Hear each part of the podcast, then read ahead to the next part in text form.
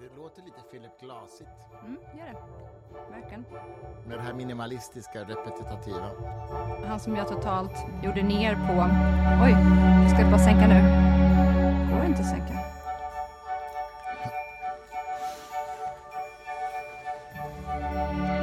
Fick bli abrupt istället helt enkelt. Jag är ledsen. Förlåt. Välkomna till Den gyllene grenen. Ja, välkomna och välkommen. Och Victoria Larm, välkommen hem. Tack. Du har varit i Växjö precis, kom idag. Var du på väg att göra en liten Smålandsdialekt, men du Växjö, ångrade det? Växjö? Nej, Det är så sjukt att du tror att någon låter så. alla låter väl så. Skål. Skål. Jag undrar när Mm. vi börjar bli sponsrade på champagne. Ja, Det tycker jag. Hallå där ute. Vem vill sponsra oss på champagne? eller hur? Men den här var, den här var väldigt god. Vi har ju blivit bjudna på en champagne... Schimpansprovning. Schimpansprovning. Champagneprovning, faktiskt. Det var väldigt vänligt av en lyssnare. Precis. Och eh, det, det ska vi faktiskt eh, Sånt. göra, tycker jag. Sånt beteende eh, belönar vi. Ja, precis. Hur- hur- Pelle Bergqvist, som jag ju faktiskt har känt sedan 90-talet. eh, Han var med redan på den tiden jag skrev datautbildningsböcker. Var han med och korrekturläste. Han korrekturläste min bok nu också. Och han, du vet, han har sån här, korrekt, sån här, sån här hökögon för att hitta korrekturfel. Det är inte alla som har det. Nej. Du har det också. Ja, inte lika Inte- bra inte som han, men jag har ganska bra. Det, det har jag. Omöjligt på sitt egna, såklart.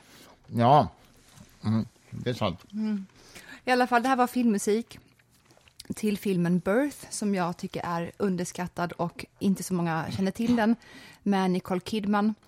Den utspelar sig i New York. Den kom för kanske 13 år sedan, eller sånt, 14-15. Och den handlar om en överklasskvinna som blir av med sin man som hon är väldigt kär i. Han dör av en hjärtattack i början av filmen till den här musiken. För hela första, eh, första scenen är att han springer i Central Park och att han dör av den här hjärtattacken. Och sen får man se hur då Nicole Kidman i den här fina våningen får besked om att han är borta. Och sen får man se hur tiden går väldigt fort då. Åren går, hon sörjer. Men sen blir hon kär i en ny man till slut. Hon är ute på andra sidan. Jag ska lägga till också att den här mannen som dog i början heter Sean. Och eh, den här nya mannen hon träffar friar till henne och hon säger ja. Och den kvällen som de ska ha då förlovningsfest hemma hos sig i den här fina, fina lägenheten så knackar det på dörren. Och så öppnar hon och där står en nioårig pojke Oj, och ser upp på henne och säger I'm Sean, okej. jag är Sean. Och eh, jag vill inte att du gifter dig med honom. Okej. Den, blir, den är så speciell. Man blir livrädd. Va- Okej, hur utvecklas detta? Det kan du väl inte säga kanske? Nej. Men... Nej. Men det, det blir ju reaktioner alltifrån att de försöker ta barnet till polisen och koppla in socialtjänsten. Och, men han ger sig inte. Han kommer tillbaka om och om igen. Den är jättebra. När gjordes den? Men typ 15 år sedan. Ja, den, kan, vi, kan vi se den? Den måste vi ju se. Ja, det är klart Finns den på. Netflix? Jag vet inte. Vi kan undersöka. Du, apropå filmhistoria måste jag berätta för dig. Du som älskar film mycket mer än vad jag gör, eller kan mycket mer än film i alla fall. Eh, jag läste bara häromdagen om någonting som jag inte hade en aning om. Alla har ju hört talas om de här storfilmerna, De tio budorden där Charles Heston spelar Moses till exempel, eller Lawrence of Arabia, och, eller Mannen från Nasaret som ju kom på 60-talet, om Jesus förstås. Men vad jag, jag hade ingen aning om att det fanns en filmare måste jag faktiskt läsa innantill vad han hette. Han hette Mustafa Akkad, en syrian som kom till USA på den tiden och blev superinspirerad av de här filmerna och bestämde sig för att göra en motsvarande mastodontfilm om profeten Muhammed. Mohammed, härföraren, kom filmen att heta. Och, och, och, jo, och var alltså en sån här mastodontfilm. Han hade med Anthony Quinn, hette han va? Ja, visst. eh, i en roll. Eh, han hade Maurice Jarre som kompositör till filmmusiken som också hade gjort filmmusiken till Lawrence of Arabia. Som för övrigt var pappa till Jean-Michel Jarre som ju var den här stora kompositören som var populär på 80-talet. Jaha, Som hade okej. stora konserter även i Stockholm. Ja, just det, med ljus och ljud. Ljus, ja och precis, sådär. väldigt så här, Jätte- pompöst och pampigt, Eh, eller vad man ska säga. Får epilepsi bara jag tänker Ja, på det. jo, men det var ju lite grann så. Men alltså, han gör den här filmen, en sån här jätte, du vet, mastodontfilm liksom, med tusentals statister och, och så vidare. Den heter Mohammed härföraren, hade premiär 1976. Det var ju Mm. Jaha. bara ett litet... Ja, den Så finns. sent också. Eh, det finns bara ett litet problem. Eh, huvudrollen syns aldrig i bild. Nej, för att man får inte visa honom. Nej, av lätt insedda skäl skulle jag just säga. Men du kom på det. Ja, man, man, vad han vill göra är ju alltså en, en historisk skildring av islams uppkomst. Och huvudrollen kan inte visas. Alltså Så att är hela filmen görs utan, utan att huvudrollsinnehavaren någonsin syns i bild. okej, han kan ju inte ha fått pengar från Hollywood. Han måste ha gjort det här med Oklart. saudiska pengar. Jag vet faktiskt inte det, ärligt talat. Men han, han eh, eh, jobbade fram ett manus till det här som fick grönt ljus av det här Al-Azhar-universitetet i Kairo som ju är liksom det kanske mest eh, viktiga lärosätet för muslimsk teologi. Okej. Vill du Och- bara sänka mig lite grann? Förlåt. Ja, visst, i luren, ja, det är inga problem. Du, jag, jag är ljudkänslig, du är ljuskänslig. Och, eh, nej men Al-Azhar, det, eh, mm, eh, det är ju för övrigt det här universitetet där, vad heter den filmen? Jo, Boy from Heaven, alldeles ny film. Den utspelar sig ju där. Men det är ju liksom i, i den muslimsk lärda världen är ju det det mest ansedda universitetet. Han fick godkänt för det här manuset i alla fall, så att det här var liksom en film som bejakades av de rätts, rä, rättlärda, eller vad det heter. Och det var ju på den tiden det fortfarande var ganska goda relationer mellan muslimska länder och väst. Ja, Ju, absolut, men det blev inte så innan bra. skiten träffade fläkten, så att säga. Ja, men det intressanta är, vilket jag inte visste alls förrän jag läste om detta, att när filmen skulle ha premiär i USA, Ja. alltså 76, Ja. så hade det börjat spridas ett rykte om att Mohammed ändå kanske skymtade i bild någonstans i den här filmen. Eh, eh, förstås bland folk som inte hade sett filmen, för han var noga med att inte visa Mohammed i bild. Så att eh, det skedde ett stort gisslandrama där, där islamister i samband med biopremiären alltså ehm, eh, gisslantog 149 personer Det är jättemånga. och eh, varav två dödades. Va? Eh, det här har man ju liksom inte hört talas om. Och det är så länge sedan, det är ju innan man liksom började prata om den här liksom, jihadistiska terrorn och sådär. 1976 alltså. Men, eh, men eh, eh, den här regissören i alla fall, Mustafa Akkad, han dog tillsammans med sin dotter, dotter i terroristattacken i Amman 2005, alltså för 15 år sedan, 17 år sedan. Jag vet inte vad det var för. Nej, men det var en terroristattack i alla fall. Och det var nog, alltså det var nog en så att säga, ren slump, så Ja, att jag säga. Ehm, eh, att han råkade vara där. Men film, det, det är så, alltså det är så, man har ju aldrig, man har inte hört talas om den här filmen, men det är alltså en motsvarande Lawrence of Arabia. Jag eller? vill se en dokumentär om den filmen Ja, nu. eller hur? Man, också faktiskt filmen skulle vara kul att se. Jag vet inte. Tror du det? Alltså du, det skulle, du, du gillar tanken på att se någonting Ja, väldigt kanske, ofta, kanske, men sen så får du massiv ADHD så fort vi sätter på det.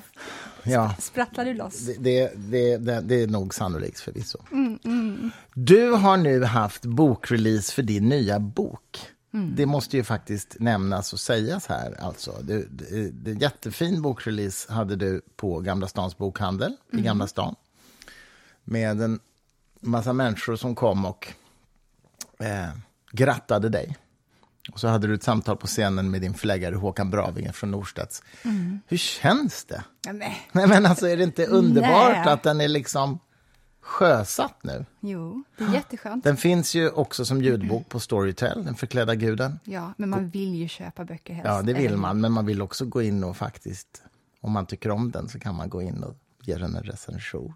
Får vi, får vi, får vi, jag får be våra lyssnare, jag får be våra lyssnare att göra det. För det är ganska betydelsefullt ändå att den får bra recensioner på Storytel. Ja, ja. Men den finns som sagt också som fysisk bok och jag håller med dig, man vill, man vill ha en riktig bok, det vill man.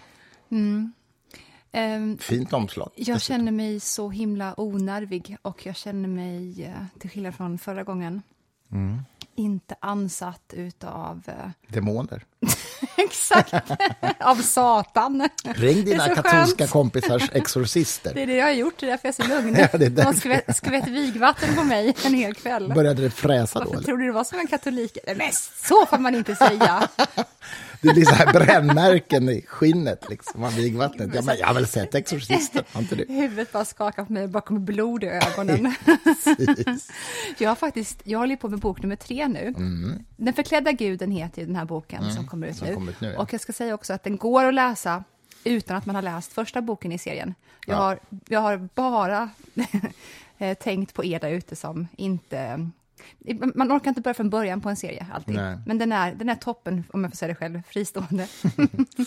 Ja, precis. Det är nya karaktärer, men också gamla karaktärer. Alltså det är både Precis. karaktärer som lever vidare från den förra boken, men också introducerades nya. Ja, så är det. Och eh, jag, för er som har läst första boken och inte kommer ihåg allt så hjälper jag er också. Jag, ger en, jag kommer ge smidiga små korta eh, genomgångar av vad som hände i första boken, så man vet det. Man, vet, man får med sig det viktigaste.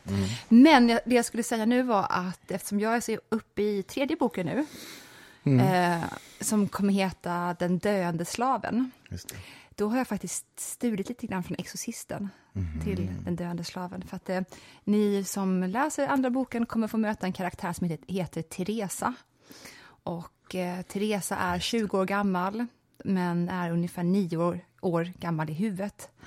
Ehm, den utspelar sig 1936, den här boken. Och det är en tid då det är helt rimligt att en kvinna från överklassen bara eh, lallar runt hemma, så att säga. Och Det är gör- hon med undulaten. Ja, det är hon med undulaten. Nej, kanariefågel är det. Kanariefågel, förlåt. Kanariefågel är det. Teresa går runt i en jättestor villa på Djurgården. Mm. Eh, hon bor hemma hos sin kusin.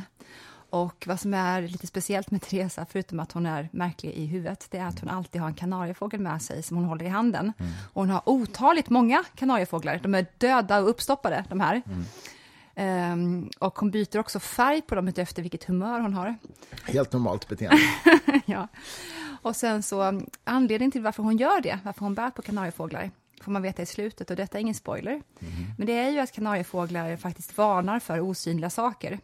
Hon har hört det, hon har snappat upp det någonstans, att de finns ju, det är ju gruvor man använder dem till gasutbrott och sådär, eller gasläckor, Ja, eller, ja, ja, precis. Eller syrebrist. eller syrebrist, Därför precis. de, de dör då. Ja. Men, Innan människor, så att säga. Så Ja. man hinner ta sig ut. Exakt. Mm. Så att de här fåglarna anar det osynliga och varnar. Mm. Och därför tänker hon att en sån ska jag alltid hålla i handen. Med andra ord har hon ju livserfarenheter som har lett henne till att grepp, Nej, greppa det här. Hemskt. Mm, det är hemskt, men hon är ganska hemsk själv också. Ja, jag vet. Hon är verkligen det. Oh Hon, God, men, ja. men underhållande och bitter. Eh, en, en, hon, tid biter ju inte riktigt på henne. Hon tror ju att det är så i alla fall. Mm. Så när hon får frågan i början av boken, hur länge har du suttit här i mörkret? Då säger hon, eh, det vet inte jag, för jag känner inte av tid på samma sätt som andra människor gör. Wow. Hon Mm. är speciell. Hon i alla fall kommer vara med i tredje boken också. Mm. Och eh, jag kommer låna lite från Exorcis- Exorcisten, på vilket vis som Teresa kommer röra sig rent fysiskt. Hon kanske blir huvudperson i fjärde boken. Nej, jag tror, jag tror hon, inte, hon är inte värdig att axla den rollen. okej. Det ska vara, även ifall det är mörka personer, i, ofta i huvudrollen till mina böcker, så måste de vara nobla. Nobelhet är ett, en underskattad dygd som jag älskar. Och nu kom du hem idag från Växjö där du har föreläst på biblioteket där om din bok. Och snart ska Mm. du till Täby bibliotek och göra det. Det är ganska kul att biblioteken hör av sig. Mm. Och det kan ni tänka på om ni har ett bibliotek där på Om ni har ett bibliotek orten. hemma. Att, att Victoria tycker faktiskt det är rätt kul att åka ut och, och liksom möta läsare och, och prata. Ja. Biblioteken bjuder ju in författare och dig nu Mm. på det sättet. Precis, det är inte bara att jag berättar min bok, utan jag föreläser lite då om vad historieberättande är för någonting. F- vad eh, strukturen representerar. Eh, dramaturgin är någonting i sig självt, vill jag hävda. Det är min tes i alla fall. Och det är en spegling av människans egen livsresa. Det är därför vissa dramaturgiska grepp funkar bättre än andra. Desto li- mer likt det är den individuella livsresan, dramaturgisk struktur då, eh, desto mer tycker vi om en film. Till exempel då, det här som jag alltid pratar om, med midpoint i alla berättelser. Ja, just det. Någon, lå, det låter lite jungianskt. det är ju det. Jag, Jag är ju vet. det. Jag vet. Midpoint, är det när man liksom medelåldern? Ja, typ? exakt. Då, by, då, då tar livet en ny riktning. Man börjar, fjällen, eh, fäll, fäll, vad säger man, ramlar av, faller av Faller ögonen. Av. Ja. Mm. Man börjar förstå att allt det där jag strävade efter var bara sånt som kulturen manade mig till att sträva efter, eller mina föräldrar och vänner. Jag sökte bekräftelse och erkännande från dem. Men nu börjar jag märka att alla de där sakerna, potentialen i mig, som inte fått komma ut än, de börjar göra det obekvämt i mig. Eh, jag måste börja eh, ändra om mitt yttre liv på ett sånt sätt så att det speglar bättre mitt inre liv och den jag verkligen är. Det börjar man oftast märka runt medelålders, runt 40 som jag är nu. Eh, Inte riktigt än, men Nej, om ett år. ja. Mm. Eh, Och då börjar då den här stora utmaningen att hur ska jag lyckas hålla ihop mitt liv och ändå förändra det? För, för något inom mig kräver förändring. Och det här skeendet representeras jättebra i alla bra filmer och böcker av The Midpoint. Då händer någonting för huvudkaraktären som gör att historien tar en ny riktning. Det där är jätteintressant. Alltså. Jag tänker, om jag tänker på, försöker mappa det där på mitt eget liv så är det ju faktiskt när jag valde att lämna it-branschen som jag var i under eh, hela tiden efter att jag hade studerat klart. Och när jag bestämde mig för att lämna det och starta bokförlag. Åh! Det var ju min midpoint. Och det, det här Och det är ju den åldern också. Jag var, det är ju då 16 år sedan nu, så att... Vad var jag då? då? Jag var 44, typ. Ja, Eller så. ja, visst, det är ju då. Eh, det är faktiskt intressant. För att du, För då du, bytte jag ju helt bana. Jag bytte verkligen bransch och karriär eller bana eller vad man ska säga. Och det var ju inte så att du valde eh, otillfredsställelse. Eh, men någonting inom dig sa, det här räcker inte för mig längre. Eller hur? Ja, ja, och du bad inte det att säga det till dig. Det gjorde det av sig självt. Och sen så måste man agera. Och det är så som jag tror psyket alltid fungerar. Vi får upp det här materialet, det här trycket på olika sätt inombords. Och jagets funktion är att ehm, sortera det och eh, överväga hur ska jag göra med det här och sen då staka ut en produktiv riktning för den. För jag tror verkligen att det är så att de inre behoven som man inte tillgodoser eller tittar på eller försöker trycka ner, de kommer göra ditt liv och din frus eller mans liv till skit, alltså, om du inte hanterar det. Det kommer bli destruktiva saker som kommer ta sig utlopp genom dig istället. Du kommer eh, inte känna livsvilja på samma sätt heller längre. Nej, det är jätteintressant faktiskt. Alltså jag, jag, eh, jag tror att i mitt fall så kände jag... Alltså jag är ju fortfarande it-nörd i den meningen att jag tycker det är jättekul med it. Jag försöker följa med utvecklingen och så här. Men jag kände att jag ville, jag ville berikas intellektuellt på ett bredare sätt. It-branschen är ju ganska nördig och liksom kanske inte så kulturell i bred mening. Och, och så liksom föddes den här idén om att starta ett förlag för vetenskap och filosofi och så här. Och då, och då insåg jag att, liksom att då kan jag verkligen bli berikad på ett väldigt brett sätt utav alla de författare vi har som kan så otroligt mycket mer om sina ämnen än vad jag kan. Så det är liksom ett sätt att tanka, att bli intellektuellt berikad. Liksom. Det var min midpoint. Hade du inte startat bokförlaget hade vi inte träffats. Nej, nej. För det var ju på ett författare. Ja, precis. Vi hade Steven Pinker här, ja. Det var då vi träffades. Ja. Du kom som, som publik, så att säga, på vårt event. Ja, precis. Tack för att du startade det. Tanke. Skål för det. Skål för det, älskling. Nej men, nej, men så är det ju. Men det, är- det är också... Men du har också rätt på ett, eller det stämmer också för mig på ett djupare psykologiskt plan att, att jag innan det tror jag liksom ville, sökte liksom att bli bekräftad i den världen och att liksom, ja, någon mening göra karriär så att säga. Det är inte alls en drivkraft för mig. Con- conquer Ja, är det. precis. Den, och bygga, bygga liksom det ena it-bolaget efter det andra och sådär. Den drivkraften har jag inte nu. Nu tycker jag det, nu tycker jag det är kul att... Alltså mitt jobb är min hobby, min, mitt, hobb, mitt jobb är min passion så att säga.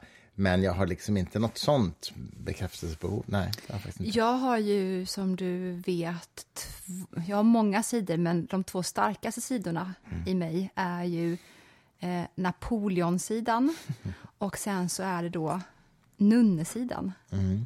Just det. Den kontemplativa klostersidan. Ja, dra mig tillbaka från världen. Och, precis, dra dig tillbaka från världen. Och sen vill du samtidigt gärna ha en egen armé Exakt! mm, och erövra. Mm. Ja. Det är ju onekligen lite yin, yin och yang. Nej, vad heter det? Yin och yang. Vad heter det? Nu blir jag också Ja, osäker. det. Ja, jag vet inte. Begrepp. Ja.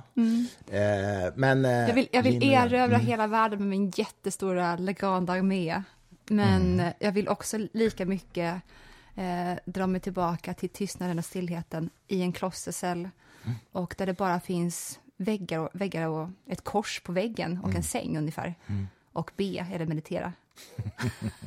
det icke-världsliga och det supervärldsliga. Mm. Det står, jag står i sån spagat mellan dem. Men eh, då är det väldigt skönt att ha det konkret för mig själv, för då vet jag att så fort som Napoleon i mig börjar få för mycket utrymme och eh, börjar rida och äga mig för mycket, då vet jag att jag ska sätta in nunnan. Mm, och det är då du åker ner till din skrivarstuga i in the middle of nowhere på den eh, västgötska slätten. Då stänger jag av. Västgöt, alltså, Nej, vad säger nej, du? nej, jag menar Växjö menar jag. Ursäkta, jag sa fel. Jag sa fel. Nej, men ut, utanför, ute på landet i, i ingenstans utanför Växjö. Ja. I din skrivarstuga, en gammal svin... Sv, vad heter det? Svinstia Svinstia det, från faktiskt. 100 år. 1700-talet. 1700-talet till och med.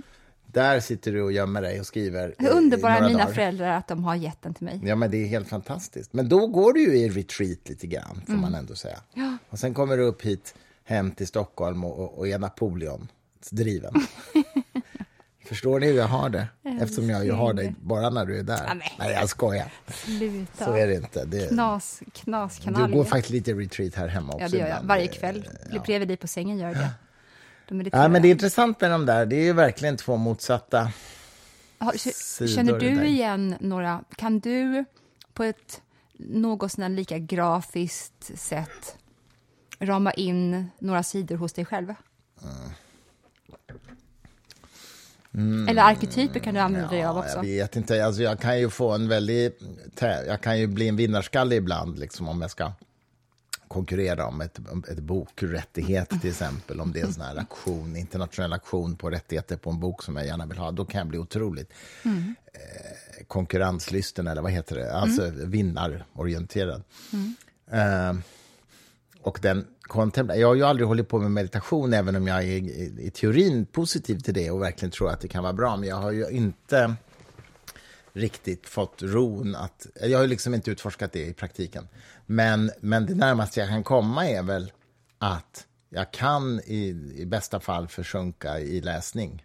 Eh, och, och liksom... Där är det. Jag lovar Mm. det, det är samma sak. Då kan jag liksom, speciellt faktiskt, det här låter ju pretentiöst, men det är inte så jag menar det, men, men om, om det är en ganska komplicerad bok, facklitterär faktiskt, jag är ju inte så skönlitterärt orienterad, men om det är en ganska komplicerad facklitterär bok som är ganska krävande, då, då kan jag hamna i, i något, något slags kontemplativt tillstånd.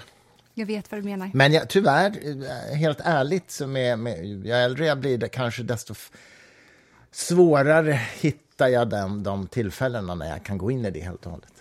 Därför att det är så mycket praktiskt runt om som man ska hantera hela tiden. Allt ifrån ens, ens barn till, Till mig. till dig. Nej, nej, nej, jag behöver inte hantera dig, skulle jag nog säga. Men, nej, men du vet, man, man har en, en, liten grabb sådär som... Ja, nej, jag är, jag är mer ute i världen kanske än att jag går in i den där. Men jag här. tänker ju att när du sen eh, eh, går i någon form av halvpension Mm. och jobbar som kanske då konsult till förlaget och så. Mm. Om lång tid alltså.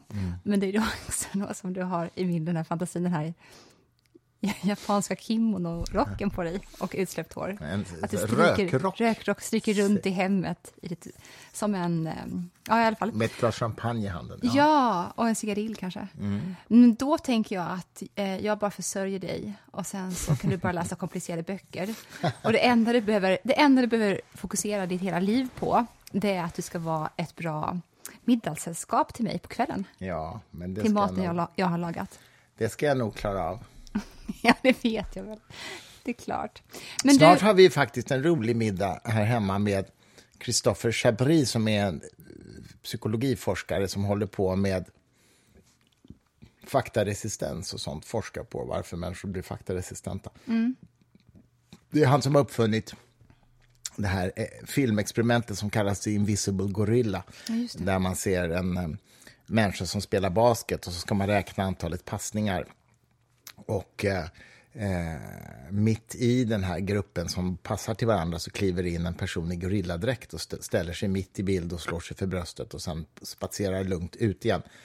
Och jag brukar köra det på mina föreläsningar. Nu, det här är en spoiler, jag inser det, men jag säger det i alla fall. När jag föreläser om sånt här så brukar jag köra den. Och ungefär halva publiken ser aldrig den där gorillan överhuvudtaget. De är helt omedvetna om att den passerade i bilden. De har hållit reda på antalet passningarna, men man ser inte den. Och det roliga är när, man, när jag spelar upp samma film igen, den är två minuter lång kanske, och, och säger att nu behöver ni inte räkna passningar. Och då ser de gorillan och de tror att jag bluffar, att det var en annan film jag spelade upp första gången. Och det var det alltså inte. Det är ganska roligt. Men han, han ligger bakom den och flera andra såna kognitiva experiment i alla fall. Han kommer ju på middag Det blir kul. till oss. Vi ska ge ut hans kommande bok nämligen. Jag undrar vem som han, ja. eh, myntade begreppet faktaresistens. Ja, Är det verkligen att man då är helt resistant mot... nej, alltså, fakta? nej, man är ju inte faktaresistent mot all fakta. Man är resistent mot fakta som inte stämmer med den identitet man vill ha eller den värdegrund man har och sådär. Det finns ju en eh, amerikansk forskare, professor som heter Dan Kayen som myntat begreppet politically motivated reasoning. Ja, det är bra. Eh, och det är jätteintressant. Han har gjort till exempel ett experiment som går ut på att man har ett antal människor som definierar sig själva som republikaner eller demokrater som han då delar in i två grupper eh, efter detta. Och sen visar han ett diagram, ett statistiskt diagram för de här människorna, en och en, oberoende av varandra. Eh, och så säger han att det här diagrammet visar eh, hur effektiv en viss hudkräm är mot, eh, mot utslag. Eh, vad säger diagrammet? Och den frågan får de, eh, en och en. Och eh, eh, människor är ju olika bra på att förstå statistik, men, men de ger i alla fall något slags svar. Och det intressanta är att det är ingen skillnad mellan de här kategorierna, republikaner och demokrater. De ger i genomsnitt samma svar på den frågan. Men de har visat samma diagram och säger det här diagrammet visar hur effektivt eh, vapen, eh, gun control-lagstiftning är mot brottslighetsstatistiken. Hur, hur samverkar de? Alltså gun control-lagstiftning och brottsstatistiken. Hur visar diagrammet? Vad säger diagrammet? Då kommer republikaner och demokrater göra helt olika tolkningar av dem- diagrammets innebörd. Ja. Trots att de alltså presenteras med exakt samma numeriska data i form av ett diagram. Och det kallar han för politically motivated reasoning. Det låter så evolutionärt. Ja. Att det verkligen eh, är principer som har uppstått från en överlevnadsförädlingsprocess. Jo, men det är ju helt klart att det där har ett överlevnadsvärde. Det finns ju evolutionär, eller evolutionspsykologer. Vi har gett ut en bok om detta också faktiskt som heter för, Förnuft och fördom. Heter den väl? Nej, vad heter den? Ja, jag tror det. En, en parafras på Jane Austen. Ja, just det. Men nu blev jag osäker på om den heter så. Jag ska kolla. Men i alla fall, eh, eh, två eh, evolutionspsykologiska forskare i alla fall som skriver just om den här, det här beteendet. Det är ju så att vå- våra kognitiva funktioner, eller vår, vårt förnuft om man så vill, har ju inte kommit till i första hand för att vi ska få reda på vad som är sant, utan det har kommit till för att vi ska överleva så bra som möjligt. Och ibland är det bättre då att tycka som gruppen än, än vad som är sant eller rätt, så att säga. Ehm, och ser man det så, så, så kan man så att säga förstå politically motivated reasoning. För när det gäller åsikter som, har, som, har, som verkligen är identitetsskapande för en individ, då är man mycket mindre benägen att ta till sig fakta som, som talar emot den åsikt man har. Men om det däremot är åsik, eh, åsikter som man har, eller trosuppfattningar som inte är identitetsskapande, då har man mycket, mycket lättare Ja, men precis. och det är därför just faktaresistens, du frågade ju inledningsvis, är man resistent mot alla fakta? Nej, det är man ju inte. Bara mot dem som så att säga går på djupet. Ehm, ett grepp på att hjälpa den sortens människor som är faktaresistenta, det är ju att sätta dem i meditationsträning, verkligen. Det kan jag verkligen tänka mig. Därför att jag skulle säga att en stor del av vad meditation går ut på, det är ju att få grepp om egot. Eller att man ens har ett ego och vad det är för någonting, att förstå det. Och då menar jag inte intellektuellt förstå det, utan att på ett vis ehm, få egot att bekänna färg. Mm. Därför att eh, ifall du tar bort alla de här identifikationerna från dig själv, som mm. kristen eller som demokrat eller moderat eller mm. som... Eller miljöaktivist, miljöaktivist eller rasist. Allt eller, det där är... Det, alla, vad de, den är. Mm. Ja, alla de där identifikationerna är egots hantlangare. Mm. Om du kapar bort dem, då är egot stressat och ensamt och tänker, men vad är jag då? Vad är jag då? Vad är jag då? Och då öppnar sig en möjlighet till att ställa den sanna frågan, ja exakt, så vad är jag då? Mm. Och då kan man börja nå andra skikt i sig självt. Man kan börja se det, man kan börja uppleva de skikten till och med. Mm. Om man förstår att den här lilla ärtan som egot är, inte är allt jag är. Ja, precis. Men om man ska bara analysera det där lite så tänker jag, först ska jag bara säga att jag kommer ihåg rätt att boken heter Förnuft och fördom. Eh, vi gör för många böcker hela tiden så jag glömmer faktiskt bort titlar ibland. Mm. Men det, eh, det är så den heter. Dan Sperber och Hugo Mercier, de här två forskarna. Men i alla fall, jo, jag tänker så här. Det där är naturligtvis sant, men jag tror att det kan finnas andra faktorer också eh, som är som i alla fall jag blir lite så här sorgset berörd av. Och Det är till exempel människor som tror på fullständigt vansinniga, konspirations, vansinniga konspirationsteorier. Jag såg någon dokumentär om det här Flat Earth Society till exempel, som är en organisation i USA för de som tror att jorden är platt. Mm. Och de, det var en här reportage från deras konferens eller deras gathering. Och, så där.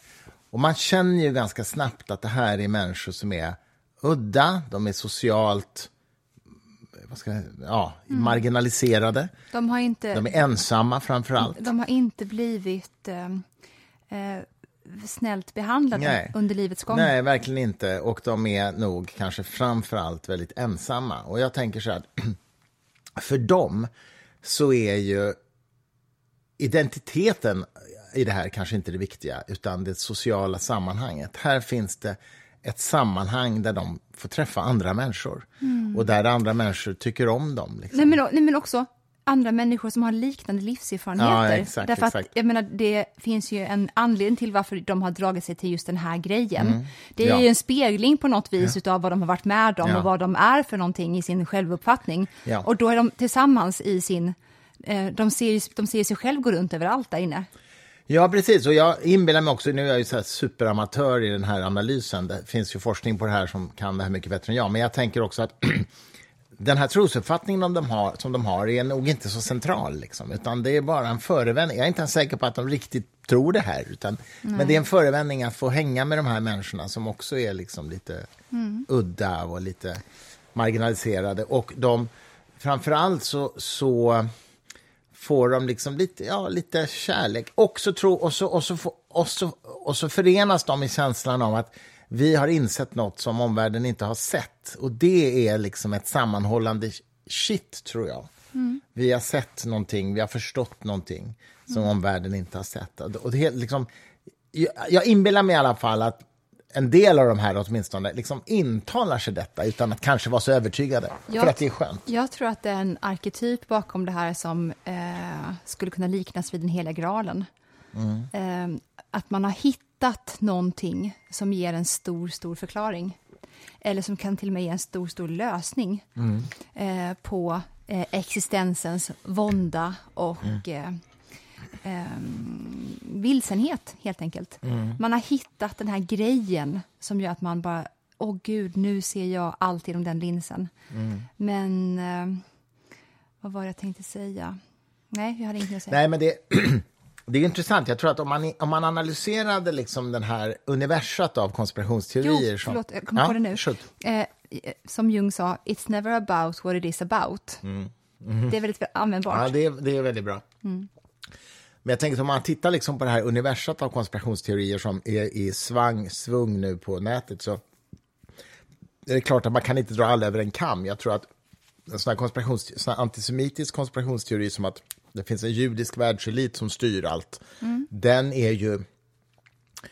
Den tror jag kan, den kan beskrivas på ett annat sätt. Dels är den mycket farligare för att den väcker antisemitism, men den, är också, den handlar också om att vi har förstått att det finns makthavare där som verkar i det dolda och vi måste kämpa mot det. Det är ju liksom en viktig ingrediens i den teorin. Det gäller ju inte Flat Earth Society, för det är på något sätt, det spelar ingen roll om jorden är rund eller platt, så att säga. Det har inga konsekvenser för Nej, någonting. precis, men det är fortfarande på en större global nivå som man Ja. har, förstått någonting än, än de andra Ja, människorna. precis. Men, det, men det, är liksom inte, det är inte ett hot inbyggt i den konspirationsteorin. Utan Nej, där är tror jag att den sociala gemenskapen är, är mer central. Förstår du Ja, vad jag menar? absolut. Men det andra handlar om ett hot. Va? Vi har förstått att det finns makthavare här som vill oss illa. Ja. Och det är, en, det, är ju det är en farligare konspirationsteori.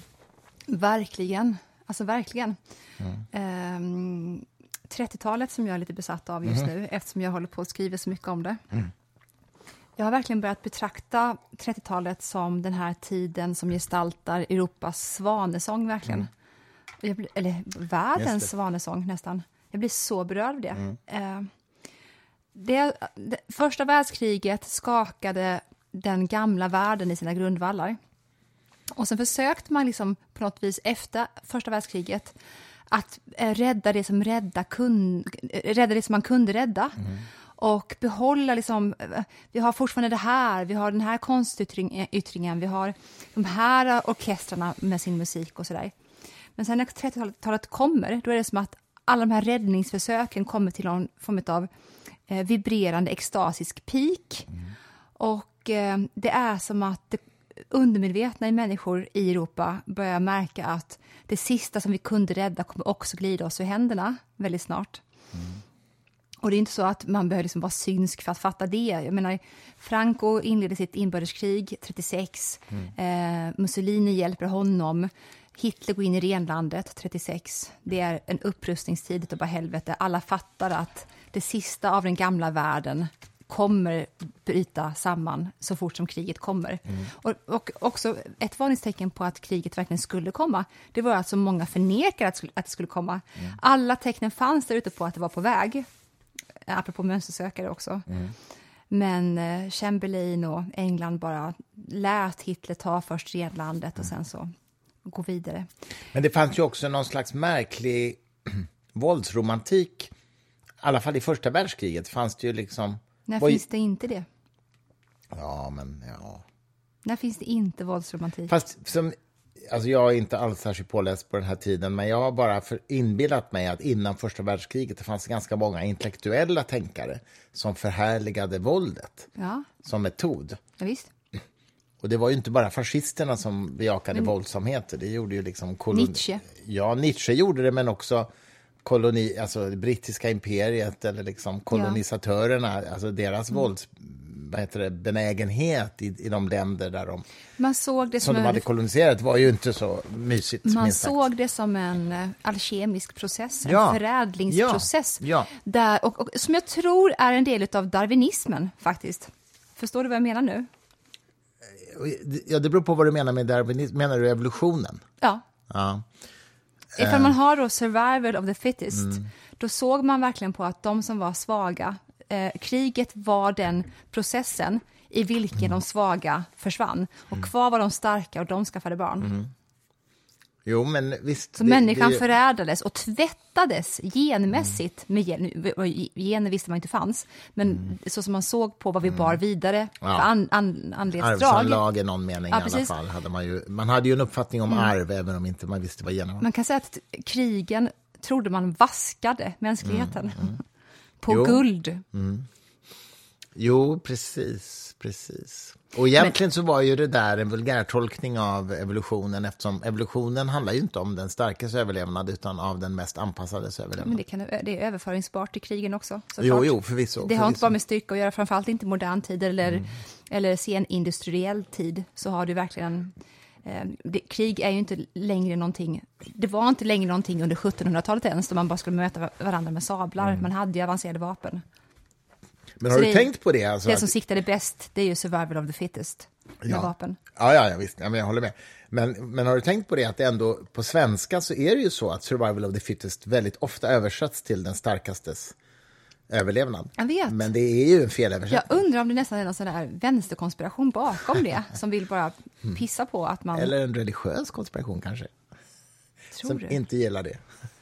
Nej, jag vet inte. Men det är ju, det är ju inte det som Darwin säger. Och det är ju, speciellt när det gäller människor så är det ju så här att om evolutionen inte hade frambringat omvårdnad och ömhet eh, eh, hos människor så hade vi verkligen inte överlevt. Eftersom vi föder så fullständigt odugliga barn, vi människor, som är helt odugliga väldigt länge. Mm. Så att det är därför människor har eh, en sån... Alltså utan omvårdnad och omhändertagande så skulle ju inte vi överleva ens en generation. Nej, det är så sant. Tänk om vi liksom lämnade våra barn efter en dag när de var nyfödda, då dör de garanterat. Så jobbigt, precis. Men du, till skillnad från mig, jag tror ju inte att alla de dragen, eh, impulserna som vi besitter, bara har en eh, anledning i att det fanns ett överlevnadsvärde. Jag tror ju inte att Uh, nej, men det tror inte jag heller, fast jag tror nog ändå inte kanske som du. Ja, det får vi se. Jag tror att en del av dem är uh, emergenta fenomen, om man så vill, eller mm. bieffekter av överlevnad. Jag tror inte att de kommer från något annat än det, men jag tror att de kan vara bieffekter eller emergenta fenomen som uppstår av mm. evolutionära. Såklart, men jag då som lutar ännu djupare ner i den objektiva moralen, mer än någonsin, och dess eventuella metafysik. Ja tror ju Aha. någonting bredare helt enkelt. Ja. Men det här är nästa podd. Älskling, det är nog en annan podd, ja. Men ja, där mm. tror jag vi skiljer oss åt. Jag vet, jag vet mm. och det är så bra. Det är bra. Det kan alltså, vi faktiskt det... gräva i, i en podd, men det kanske vi inte ska göra nu. Va? Vad heter det? Jag, är, jag märker det. Jag, jag har rest så mycket och jag har haft så många samtal och släpp ja, och sånt. Och jag är lite snurrig. Men gud vad mysigt det här var. Det var supermysigt. Det var det. Och det Men vi har i alla fall pratat i 43 minuter. Vi fick ju en, ett, ett jättegulligt mejl från någon som sa att ni får inte gå under 40 minuter. Nej, nej 28. Nej, nej 38. Aha, okay. ja, men det, det, har vi i alla fall klarat ut Ibland pratar vi ju väldigt länge. Vi måste säga en sak till okay. innan vi slutar. Mm -mm. Och det är ju faktiskt att vi gjorde ju häromdagen en podd med en av dina stora Åh, intellektuella nej, idoler. Det här, det är jättejobbigt. Ian McGilchrist. Jag orkar inte. Jo, det här är fortfarande jobbigt. Eh, vet ni att det finns en person som jag... Av alla kändisar där ute i världen, jag bryr mig inte om någon kändis. Jag, jag, jag, I don't care vem jag träffar. Mm. Även om det skulle vara en Hollywood-person. Det finns en enda person som jag blir spak av mm. och träffar och det är Ian McGilchrist. Och självklart blir det då han som du fixar att vi får en intervju med. Det var kul faktiskt. Ja, men det beror ju på att vi ska ge ut oh, hans bok. Alltså grejen är den... The Master and his Emissary ska ja, vi ut. läs den. Bara läs den. Vi kan prata om den i nästa poddavsnitt också. Men alltså, det som jag har tänkt efter den här intervjun, mm. det är ju att det var jättejobbigt innan, det var jättejobbigt under tiden och det var jättejobbigt efter. det blev aldrig bra. Nej, det är bara fruktansvärt.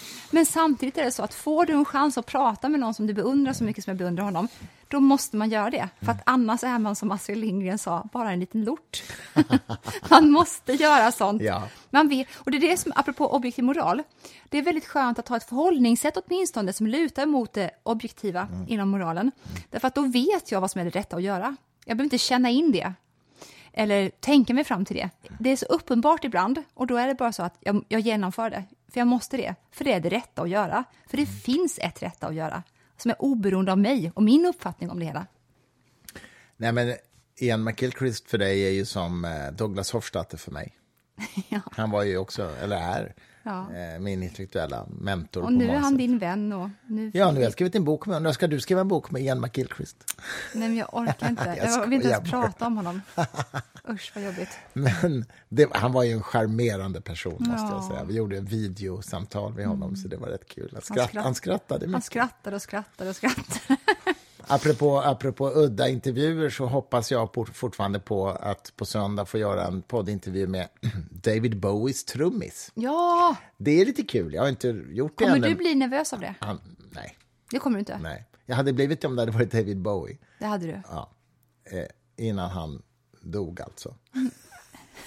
Vi ska inte ringa ett, ett medium. Ett helgon, eller vad säga, men menar ett, ett medium. medium. Nej, jag kommer inte ringa ett medium för att tala med Bowie. Kan vi inte Nej. göra det? Mm. Nej. Nej, men, men, eh, men det, det, det, är kul. Jag har fått kontakt med honom. Han turnerade med Bowie på 90-talet och, eh, och gjorde ett par plattor med honom också. Mm. Så det är kul att få prata med någon som har jobbat nära Bowie, för han är ju också min stora, mm. Eh, stora liksom, mm. ja, musikaliska förebild, eller vad man ska säga. Mm. Jag hoppas ju också på att de här två avsnitten som vi har bakom oss nu Jag vill gärna fortsätta på dem. Jag vill, jag, vi, vi är inte klara med Gud. Nej. Och vi är det är bara, nej. Mig fick du för dina synder, hör du. Att det blev så här. Klart du Jag tog ett stort klunk av champagne. här. Ja, ja, vi kan prata mer om, om, om gudsidéerna och sådär. Mm. Jag tycker det. Vi gör det. Men eh, inte idag.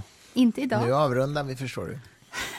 Får vi någon, får vi någon avslutande musik? Varenda- eller? Du har vissa sägningar, det är så himla kul. Det ena är, förstår du? Så säger du jämt, förstår du. Förstår? Eh, så det så, säger du också väldigt ofta. Får du igång tekniken här? Ja, titta. Vad är det här då? Men det är samma låt som i början, älskling. Det börjar lite tyst, tycker jag. Nej. Åh, vad händer nu då? Jag kopplade på högtalaren, jag kände på mig att du skulle klaga snart och säga, varför spelar du i Men alltså, telefon? Jag tror du ska överlåta det här med musikproduktionen Åh, till mig kanske. gud, you wish. Jag orkar inte, det blir fel bara för det. Okej, vi kanske avslutar Glad påsk i alla fall tystnad, från höll jag oss. Tack säga. för att ni lyssnar. Mm, det är långfredag idag. Ja, på söndag är det inte det. Nej, och då sänds det här. Eller läggs ut, eller vad det heter. Ja. Nej, men glad påsk Glad verkligen. påsk, vi hörs om Skål. en vecka. Skål, skål. Hej, hej. Hej.